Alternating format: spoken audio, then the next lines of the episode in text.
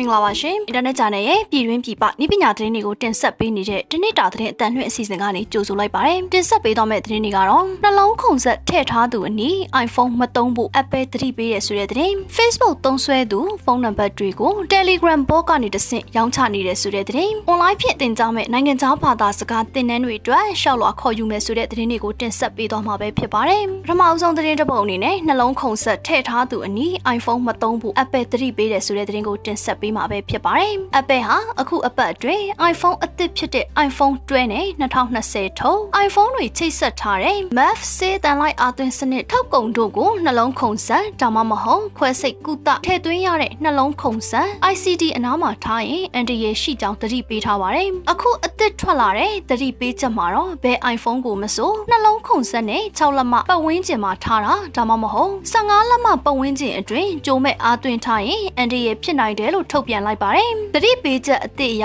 iPhone 12တင်သာမကဘဲနဲ့အခြား iPhone model တွေကလည်းအန်တရဖြစ်နိုင်ပါတယ်။လွန်ခဲ့တဲ့ရက်သတ္တပတ်အနည်းငယ်က Half Ratan ဂျာနယ်က Math Safe နဲ့ iPhone 12ကိုတော့အသက်ကယ်နှလုံးခုန်ဆက်တက်ထားသူအနာသွားထားမိရင်နှလုံးခုန်ဆက်လှုပ်ဆောင်ချက်ကိုအနှောက်အယှက်ပြုနိုင်တယ်လို့ဖော်ပြခဲ့ပါတယ်။အဲ့ဒီသတင်းထွက်လာပြီးတဲ့အခါမှာဤပညာစိတ်ဝင်စားသူတွေက Forum, Twitter နဲ့ Reddit ထင်မြင်ချက်တွေရေးသားခဲ့ကြပါတယ်။ iPhone 12ဟာ Math Safe နဲ့အားသွင်းတဲ့အခါမှာနှလုံးခုန်ဆက်တက်ထားသူတွေအတွက်အလွန်ပဲအနေရရှိတဲ့အကြောင်းဆွေးနွေးခဲ့ကြပါတယ်။ Apple ရဲ့သတိပေးချက်အသစ်အရ Math Safe မသုံးပေမဲ့ iPhone 12အပြင် iPhone 11, iPhone 10နဲ့အခြား iPhone တွေကိုနှလုံးခုန်ဆက်အနာထားရှိတဲ့အခါမှာအန်တီရရှိနိုင်ပါတယ်။ဒါကြောင့် iPhone သုံးစွဲသူတွေအနေနဲ့နှလုံးခုန်ဆက်တက်ထားသူအနာမှာဖုန်းအသုံးမပြုဖို့သတိရှိသင့်ပါတယ်။ဆက်လက်ပြီး Facebook သုံးစွဲသူဖုန်းနံပါတ်တွေကို Telegram bot ကနေတဆင့်ရောင်းချနေတဲ့ဆိုတဲ့သတင်းကိုတင်ဆက်ပေးမှာပဲဖြစ်ပါတယ်။တစုံတစ်ယောက်ကတော့ Facebook သုံးစွဲသူတွေရဲ့ဖုန်းနံပါတ်အပြည့်အစုံပါဝင်တဲ့ database တစ်ခုကိုရရှိထားပြီးတော့ Telegram bot အသုံးပြုက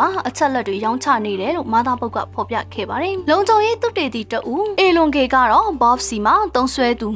933တန်းရဲ့အချက်လက်တွေရှိတယ်လို့ပြောကြားထားပါတယ်။2019ခုနှစ်က Bash ထုတ်ပေးခဲ့တဲ့ Facebook အားနည်းချက်ကထွက်လာတာလို့သိရပါတယ်။ database များစွာမှာအသုံးဝင်တဲ့အချက်လက်တွေရှာဖွေဖို့ဤစနစ်ကျွမ်းကျင်မှုလိုအပ်ပါတယ်။တခါတလေမှာလူနဲ့ database အကြားကဆက်သွယ်မှုကနေအချက်လက်တွေရရှိဖို့စ조사ရပါတယ်။ဆိုလိုတာက database ပိုင်ဆိုင်သူကလူတစ်ယောက်ကိုတန်ဖိုးရှိတဲ့အချက်လက်တွေအလွယ်တကူမပေးပါဘူး။ဒါကြောင့်အချက်လက်ကိုအလွယ်တကူရှာဖွေဖို့ Telegram bot ကိုအသုံးပြုတာပဲဖြစ်ပါတယ်။ Telegram bot ဟာ Facebook သုံးစွဲသူ ID ရှိရင်ဖုန်းနံပါတ်ကိုလည်းရှာပေးနိုင်တယ်လို့ဖုန်းနံပါတ်ရှိရင်လည်း ID ကိုရှာပေးနိုင်ပါတယ်။လိုချင်တဲ့အချက်လက်ရှာဖွေဖို့ငွေကြေးကုန်ကျမှုရှိပြီးတော့ဖုန်းနံပါတ်ဒါမှမဟုတ် Facebook ID ကိုရှာဖွေဖို့ bot ဖန်တီးသူက credit တစ်ခုအတွက်ဒေါ်လာ20နဲ့ရောင်းချနေပါတယ်။ဒါအပြင် credit 1000အတွက်ဒေါ်လာ9000ကျသင့်ပါမယ်။နောက်ဆုံးသတင်းတစ်ပုဒ်အနေနဲ့ online ဖြစ်တင်ကြားမဲ့နိုင်ငံခြားဘာသာစကားသင်တန်းတွေအတွက်ရှောက်လွှာခေါ်ယူမယ်ဆိုတဲ့သတင်းကိုတင်ဆက်ပေးမှာပဲဖြစ်ပါတယ်။ရန်ကုန်နိုင်ငံခြားဘာသာတက္ကသိုလ်မှာ online စနစ်နဲ့တင်ကြားမဲ့သင်တန်းတွေကို February လ1ရက်နဲ့2ရက်နေ့တွေမှာ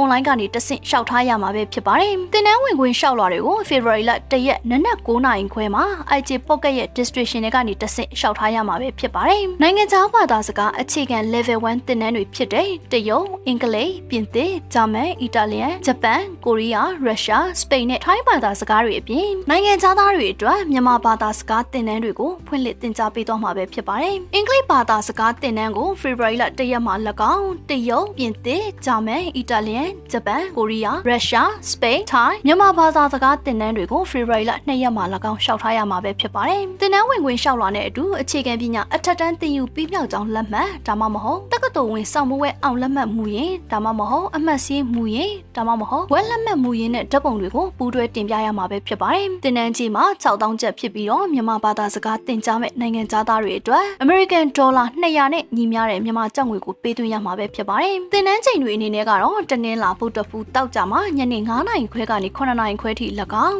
February လ15ရက်ကနေ April လ23ရက်အထိအင်္ဂါကြာတာပရိစနေမှာညနေ9:00နာရီကနေ9:00နာရီခွဲထိ၎င်း February လ16ရက်ကနေ April လ24ရက်နေ့အထိဖြစ်ပြီးတော့စနေတနင်္ဂနွေမှာနေ့လယ်2နာရီခွဲကနေညနေ9:00နာရီခွဲထိ၎င်း February လ20ကနေ25ရက်အထိမိမိကြိုက်နှစ်သက်ရာအတန်းကိုရွေးချယ်တက်ရောက်နိုင်မှာပဲဖြစ်ပါတယ်။ဝင်ခွင့်ရရှိသူစီးရင်တွေကိုရန်ကုန်နိုင်ငံသားဘာသာတက္ကသိုလ် website မှာ February လ10ရက်မှာကြေညာပေးသွားမှာဖြစ်ပြီးတော့အသေးစိတ်ကို YUFF Facebook page နဲ့ ssc@yuff.edu.mm တို့၎င်းဖုန်း391 515 236ကိုဆက်သွယ်စုံစမ်းနိုင်မှာပဲဖြစ်ပါတယ်။အခုတင်ဆက်ဆက်ပေးသွားတဲ့သတင်းတွေကနိုင်ငံတကာနဲ့ပြည်တွင်းမှာရရှိထားတဲ့နည်းပညာသတင်းတွေကိုအင်တာနက် channel ကနေတင်ဆက်လိုက်တာပဲဖြစ်ပါတယ်။အခုလို COVID-19 ဖြစ်ပေါ်နေတဲ့ကာလမှာပြည်သက်တွေအနေနဲ့လည်းကျန်းမာရေးနဲ့အာကစားဝန်ကြီးဌာနရဲ့လမ်းညွှန်မှုတွေနဲ့အညီလိုက်နာဆောင်ရွက်ခါနေထိုင်သွားလာဖို့တိုက်တွန်းလိုက်ပါတယ်။ကျွန်မကတော့ဝေမြင့်မှုပါ။